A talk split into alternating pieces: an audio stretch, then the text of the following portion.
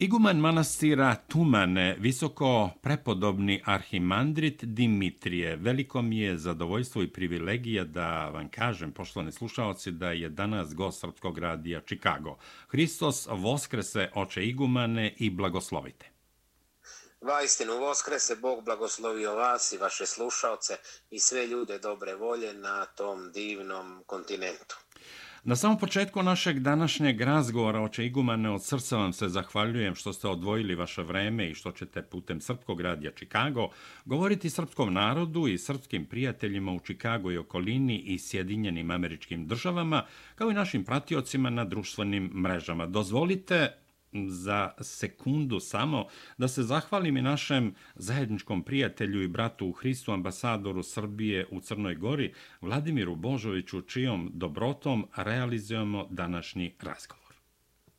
Da, zaista hvala na toj ljubavi i ja osjećam jednu veliku blagodarnost Bogu, naravno i bratu Vladi, ali i vama i svim slušalcima, jer danas je izuzetno važno da smo jedni sa drugima i da podelimo reč utehe, blagoslova, hrišćanske radosti, hrišćanske nade i ljubavi jedni drugima.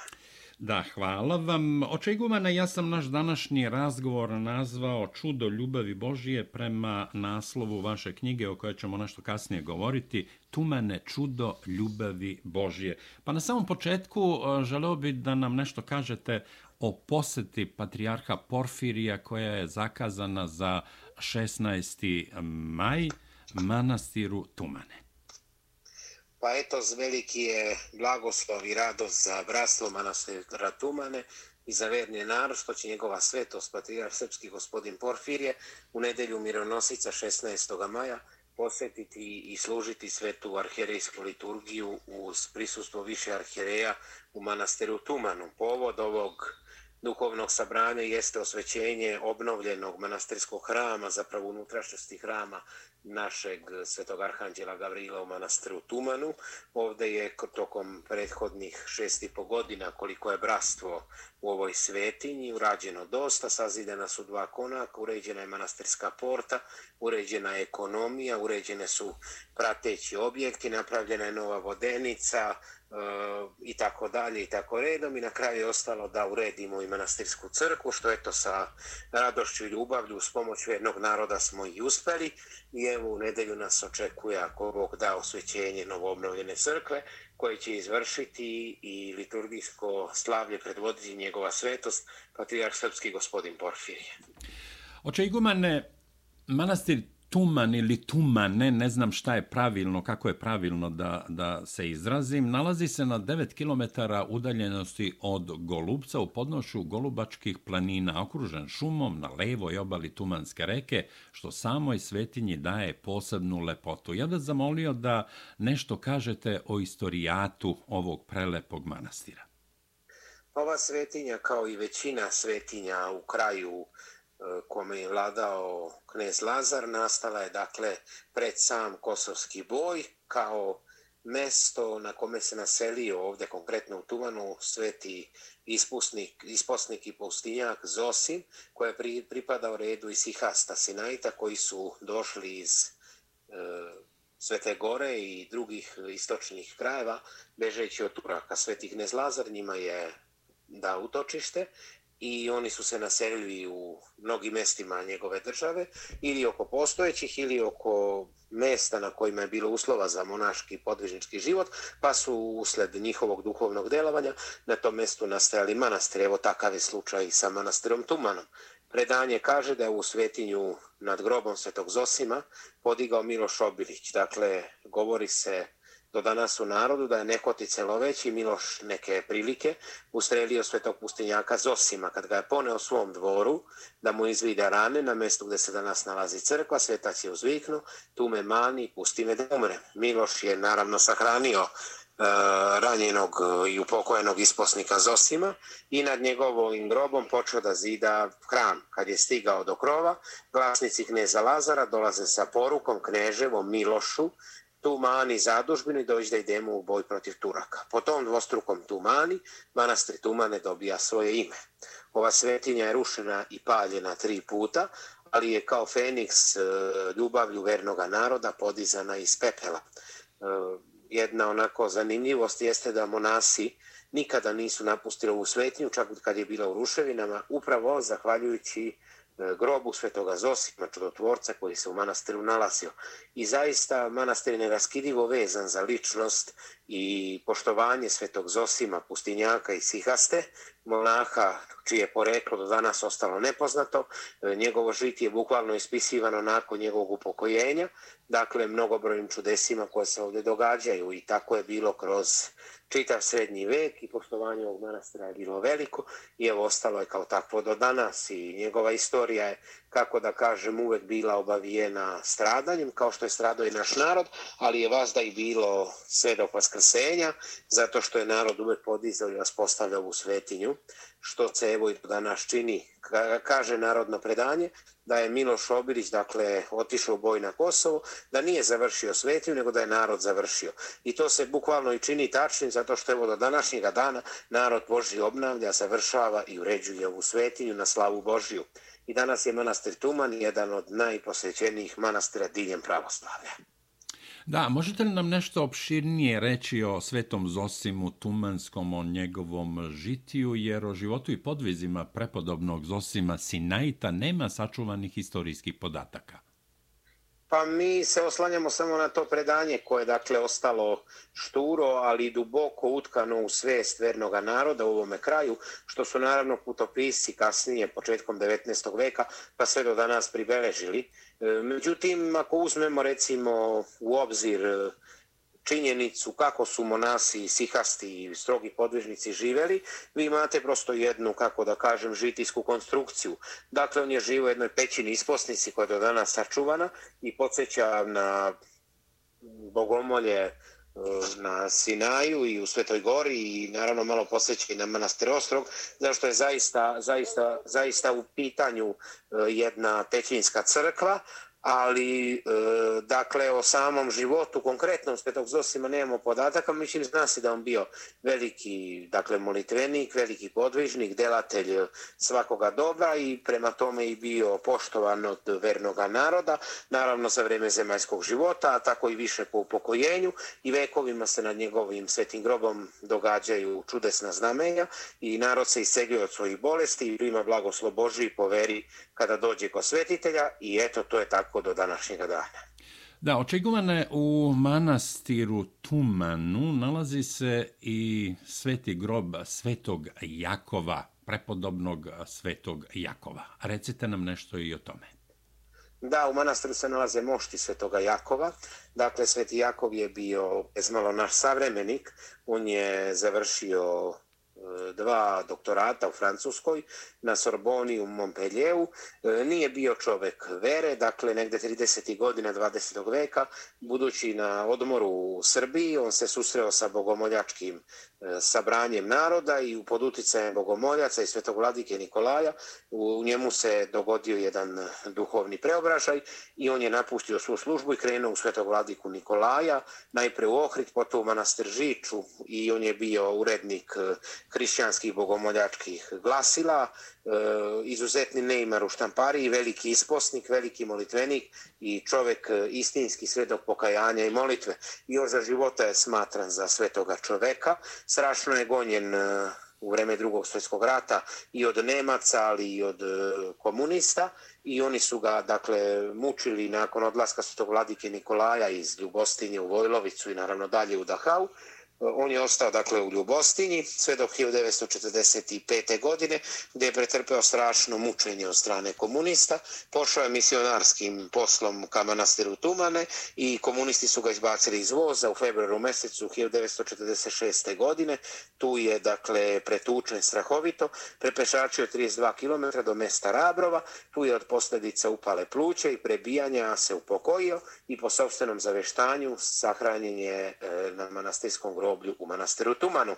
Dolaskom monaškog brasta u Tumane, dakle, e, 2014. Godine, 21. oktobra, izvršeno je obretenje njegovih svetih moštiju, koje su u potpunosti nađene očuvane, prenete su u manastirsku crkvu i svetitelj je kanonizovan na redovnom zasedanju Svetog arhijerejskog sabora u maju 2017. godine. Očigomane, a, pored a čudesnih svetih moštiju svetog Zosima i svetog Jakova Tumanskog, u manasiru se nalazi i čudotvorna ikona Majke Božije Kurska. Ja o njoj se malo zna, pa vas molim da nešto detaljnije kažete i o toj čudotvornoj ikoni.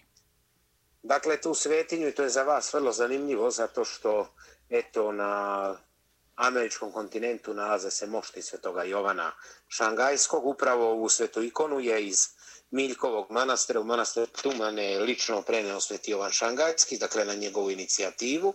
Ona je nađena 1918. godine u blizini grada Kurska u ruševinama nekog manastira i bila je potpuno neoštećena, iako je manastir potpuno bio srušen.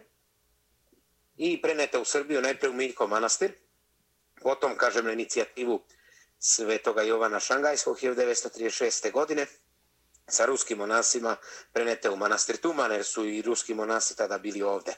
I ona je posle njihovog odlaska 1943. godine postavljena na dar ovoj svetinji. Ona se dakle, projavila sa mnogobrojnim čudesnim znamenjima, a važno je napomenuti recimo da je kradena 60. godina 20. veka iz manastera, kada su je kradljivci na relikvije dvojica njih poneli na zapad vozom da je prodaju kao drevnu relikviju.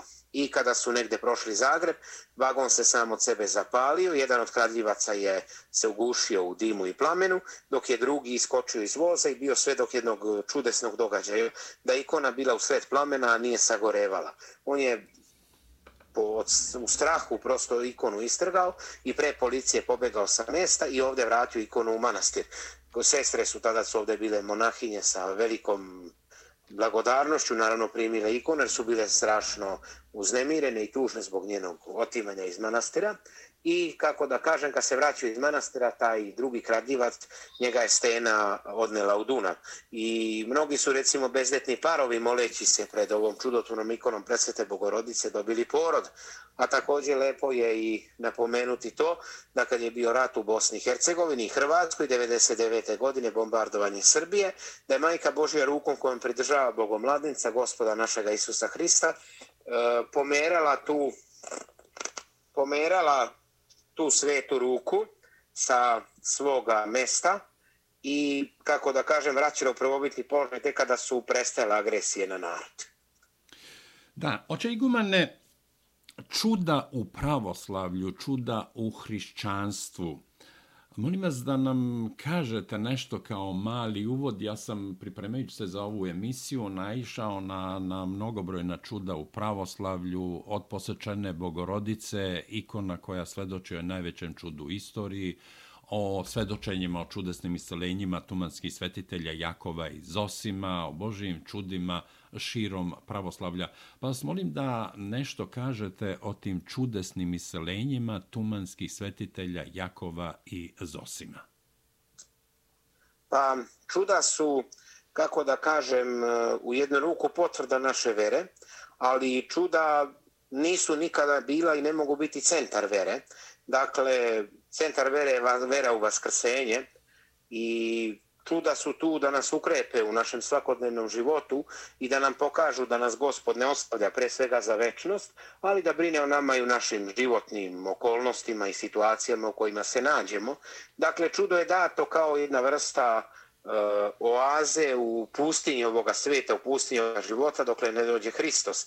I zaista, kroz istoriju Crkve Božije, svedoci smo mnogih čudesa, pre svega oni koje je Gospod činio u svome evanđelskom misionarskom delanju na zemlji, naravno i pre toga u Starom Zavetu, ali i u Crkvi Božjoj, Dakle, evo već 2000 godina svedoci smo mnogih znamenja koja se izlivaju na verni narod. Zaista, Bog je blagoizvoleo da u novom vremenu proslavi darom čudotvorstva svetoga Zosima i svetoga Jakova, ali važno je napomenuti dakle da su čudesne isceljenja na ovom mestu prisutna bukvalno od kada je prisutan i manastir.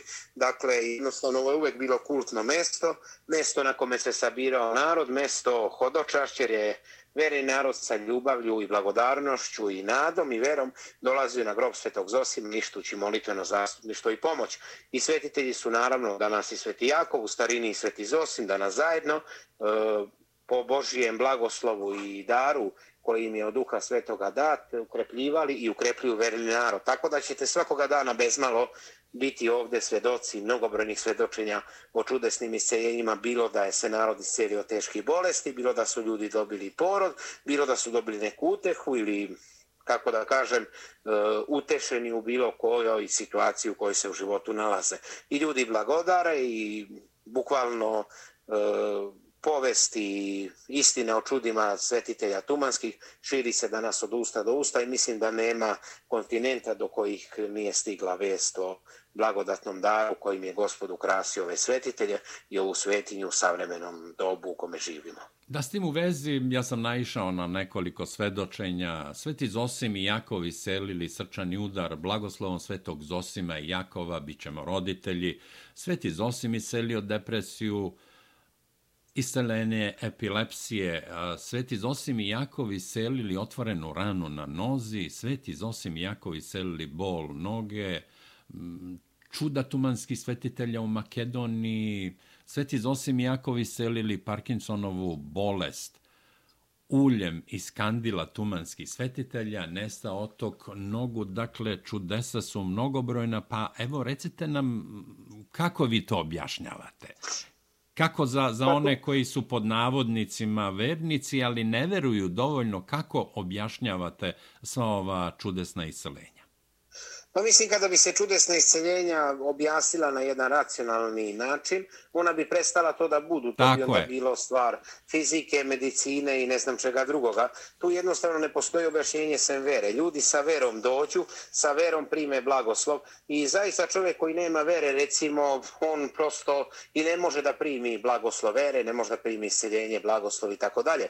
Međutim, hoću da kažem da svetitelji Tumanski su do te mere pomoćnici vernog naroda, da smo mi ovdje imali slučaj recimo iseljenja i ljudi rimokatoličke e, vere, ljudi muslimanske vere i tako redom. Dakle, hoću da kažem da zaista ovi svetitelji E, čudesno ukrepljuju verni narod u ovo novo vreme, da je prosto velika blagodarnost Bogu e, koju treba da uznesemo upravo zato što nam ih je darovao. Recimo, poput Svetog Vasilija ili Svetoga Nektarija i Svetog Serafina Sarovskog, Svete Petke i tako redom, i tumanski svetitelji u slavu Božiju čine mnogobrojna znamenja. I zaista mi koji živimo u ovoj svetoj obitelji, pa i verni narod koji dolazi ovdje sa svih strana, svedoci smo toga. Recimo, divna su ta iskustva kad ljudi dođu da vam to posvedoče. Vi jednostavno ne znate ni ko su ti ljudi, niti ih se sećate u ovim hiljadama koji ovdje dolaze, ali oni vas pronađu, oni žele da kažu, žele da posvedoče, žele da podele sa drugima.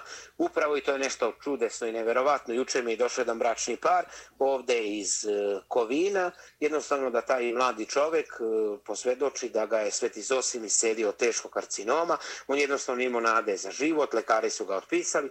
On je dolazio ovde, molio se kod svetitelja i molitva mu je bila uslišena, On je sada zdrav čovek i kako da kažem, prosto ti susreti sa tim ljudima, pre svega veliko su bogatstvo. Čini mi se da je veće čudo od samog čuda upravo susretih ljudi, njihovo vraćanje tumanu, njihovo njihov preobražaj za veru, jer ako čudo ne dovede čoveka do vere, onda sve to nema svoj najpotpuniji smisao.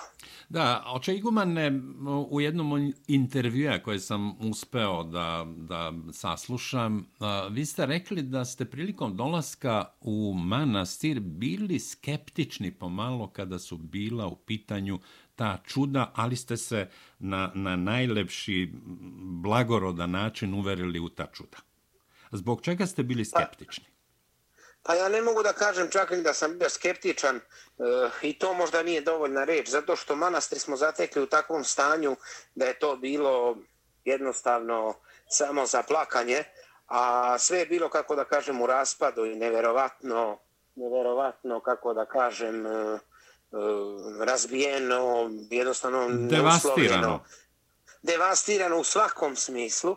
Međutim, ja sam prozvao Svetoga Zosima jednom prilikom, par dana pre nego što posle dolaska našeg ovde, rekao sam, pa ako si ti toliki čudotvorac, Sveti Zosime, ti ćeš valjda obnoviš svoju svetinju, kako si dozvolio da ona bude u ovakvom stanju. I zaista vidite, to jeste najveće čudo ova obnova, obnova, obnova, obnova ove svetinje je naj, kako da kažem, veće čudo Božije, zato što zato što na taj način se najveća sila Božija projavila. Upravo obnova svetinje je najveći svedok e, svetiteljevih čuda i mene sveti Zosim demantovao upravo time što je kako da kažem, na tu moju reakciju gdje sam ja bio maloveran, odgovorio i potvrdio da je vekovni i proslavljeni čudotvorac. Oče Igumane, vi ste nedavno izdali knjigu, ako tako mogu da kažem, Tumane čudo ljubavi Božije, manasir kod Golubca, pun svedočanstava vernika koji su doživjeli ozdravljenje. Pa recite nam nešto da. o štivu koje ste napisali, dakle da. o čemu pa se radi. Pa ta knjiga Manastir Tumane, čudo ljubavi Božije, jeste, jeste dakle, plod moga rada, ali moje želje, da vernom narodu predočim blagoslov i lepotu kojem Bog ovu svetinju obdario. Vi imate recimo mnogo skeptika koji nekako sa čuđenjem i neverovanjem i ruganjem možda gledaju na to što se u Tumanu događa, verovatno u nedostatku vere, pa čak i kada je reč o ljudima iz crkve. Ja sam jednostavno želeo u pisanoj reči da narodu predstavim i predočim svoje iskustvo sa Tumanom i konkretno svoje lično iskustvo sa ljudima koji su doživjeli čudesna isceljenja.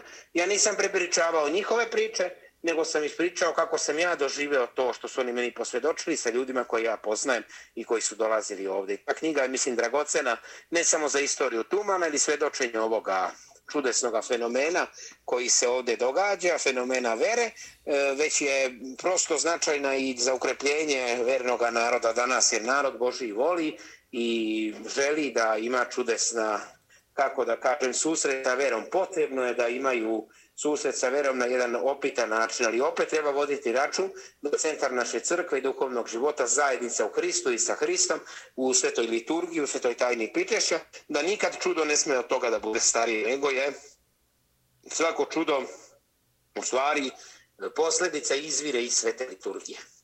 I pre svega naš život svakodnevni treba da bude čudo naše ljubavi prema Bogu i čudo Božje ljubavi prema nama.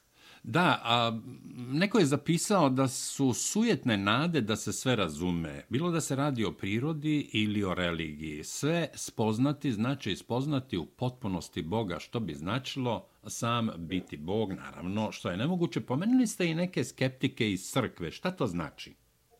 Pa imate prosto ljude u crkvi koji jednostavno ne veruju ne samo u čudesa, nego jednostavno drugačiji pogled ka veri. Ja sve više srećem ljudi koji su služitelji u crkvi Boži da na racionalan način objašnjavaju duhovne stvari, što je naravno nemoguće, ali eto i oni na to imaju pravo, jednostavno 21. vek i ljudi gledaju različito, i, ali mislim da ova jednostavno i oni zameraju recimo manastiru Tumanu to što se ta čuda iznose u javno, što se o tome govori, što ja nemam ništa protiv u redu, ali ja smatram da naše jeste da posvedočimo to što je Bog dao u ovo vreme, ovde u ovoj svetinji i da je to na ukrepljenje vernom narodu.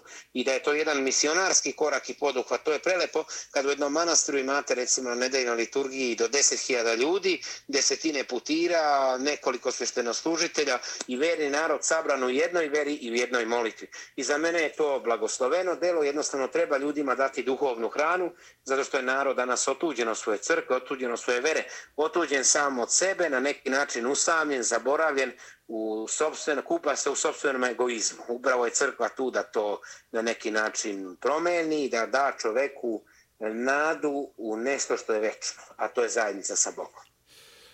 Oče Igumane, u vašoj knjizi Tumane čudo ljubavi Božije, vi ste opisali, ako se ne varam, bolje reći, pisali ste o monasima iz bratstva manastira Tumane. Ono što sam čuo bilo je vrlo simpatično, pa evo recite nam nešto o bratstvu manastira Tumane. Pa ja ću da to kažem u jednoj jedinoj rečenici.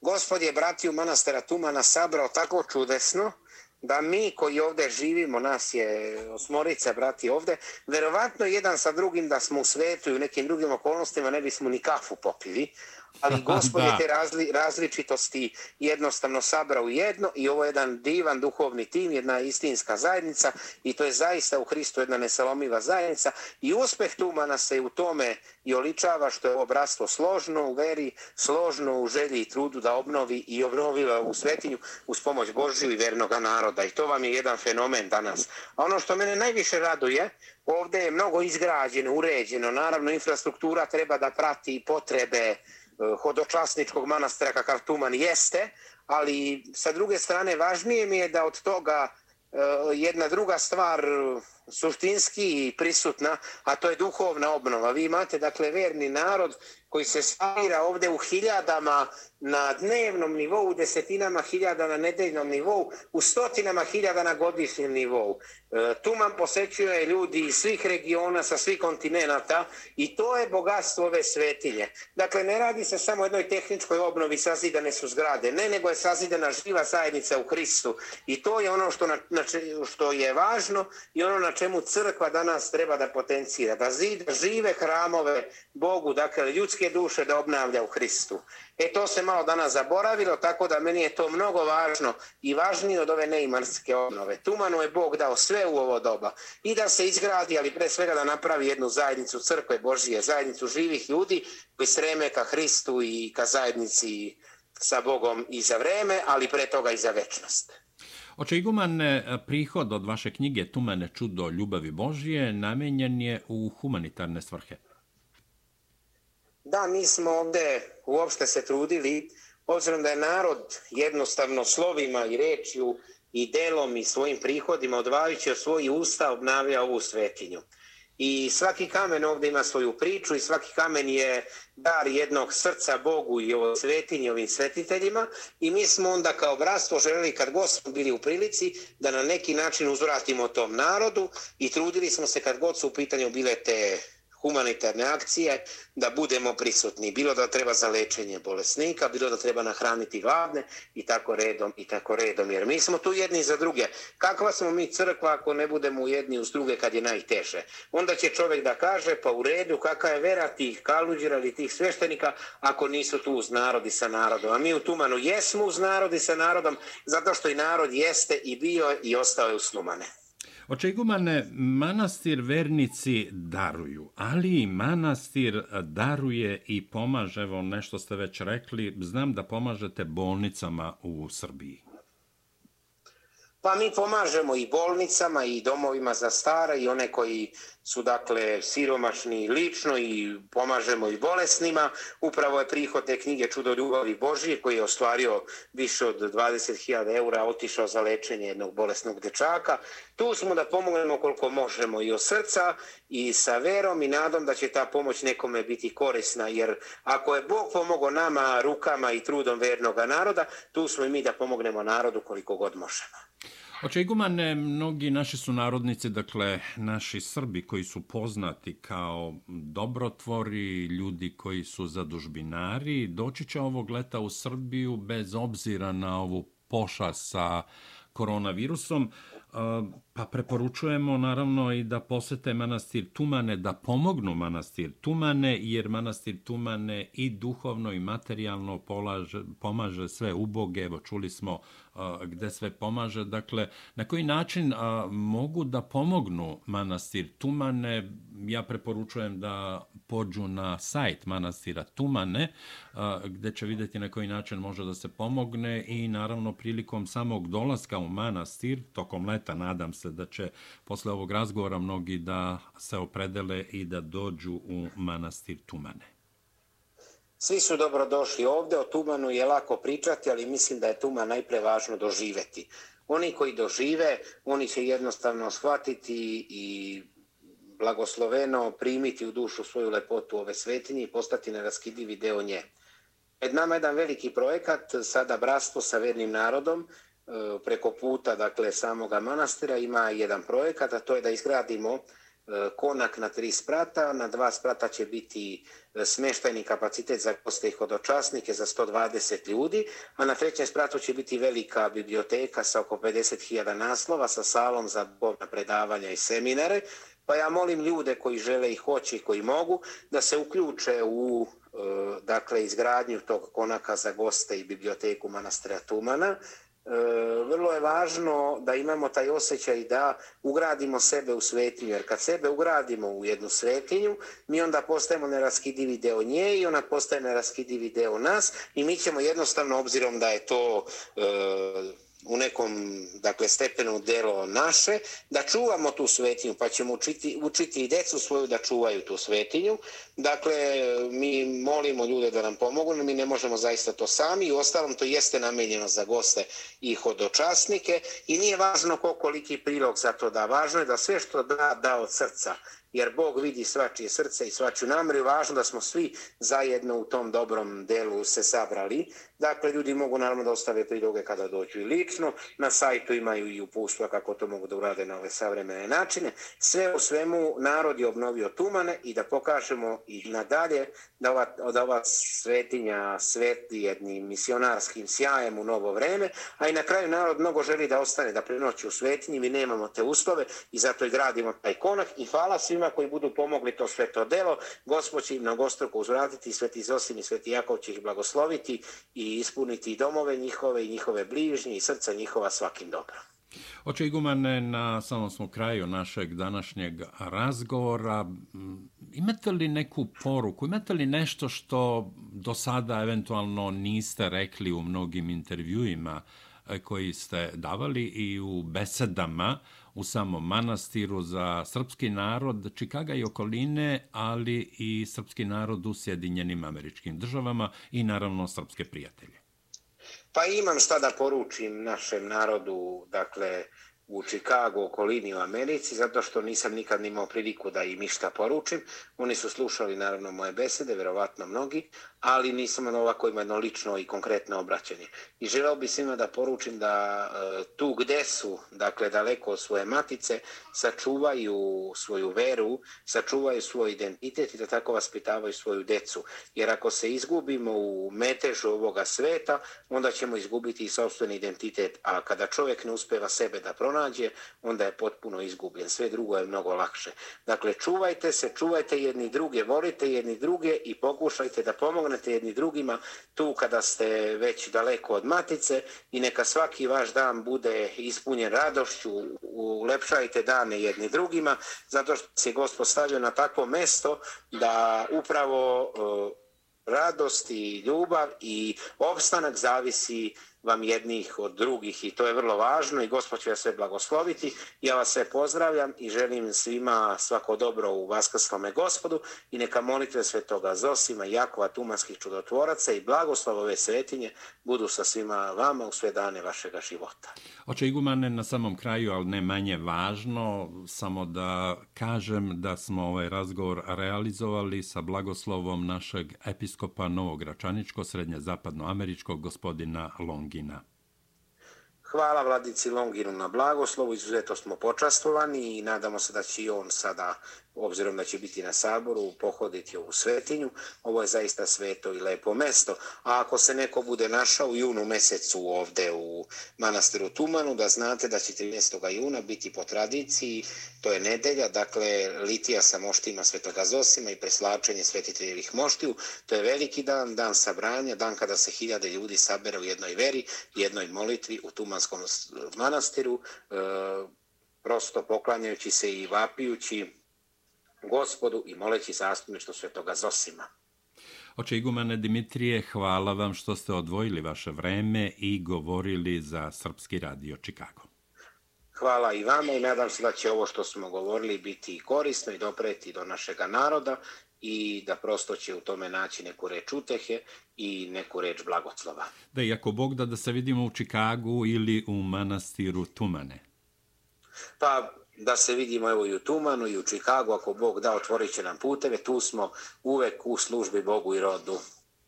Hvala vam još jedan put što ste bili gost Srpskog radija Čikago, Hristos Voskrese i na svom Hvala. kraju blagoslovite još jedan put. Hvala istinu Voskrese, gospoda blagoslovi sve vas i sve nas. Hvala vam od srca. Poštovni slušalci, gost Srpskog radija Čikago bio iguman manastira Tumane, visoko prepodobni arhimandrit Dimitrije.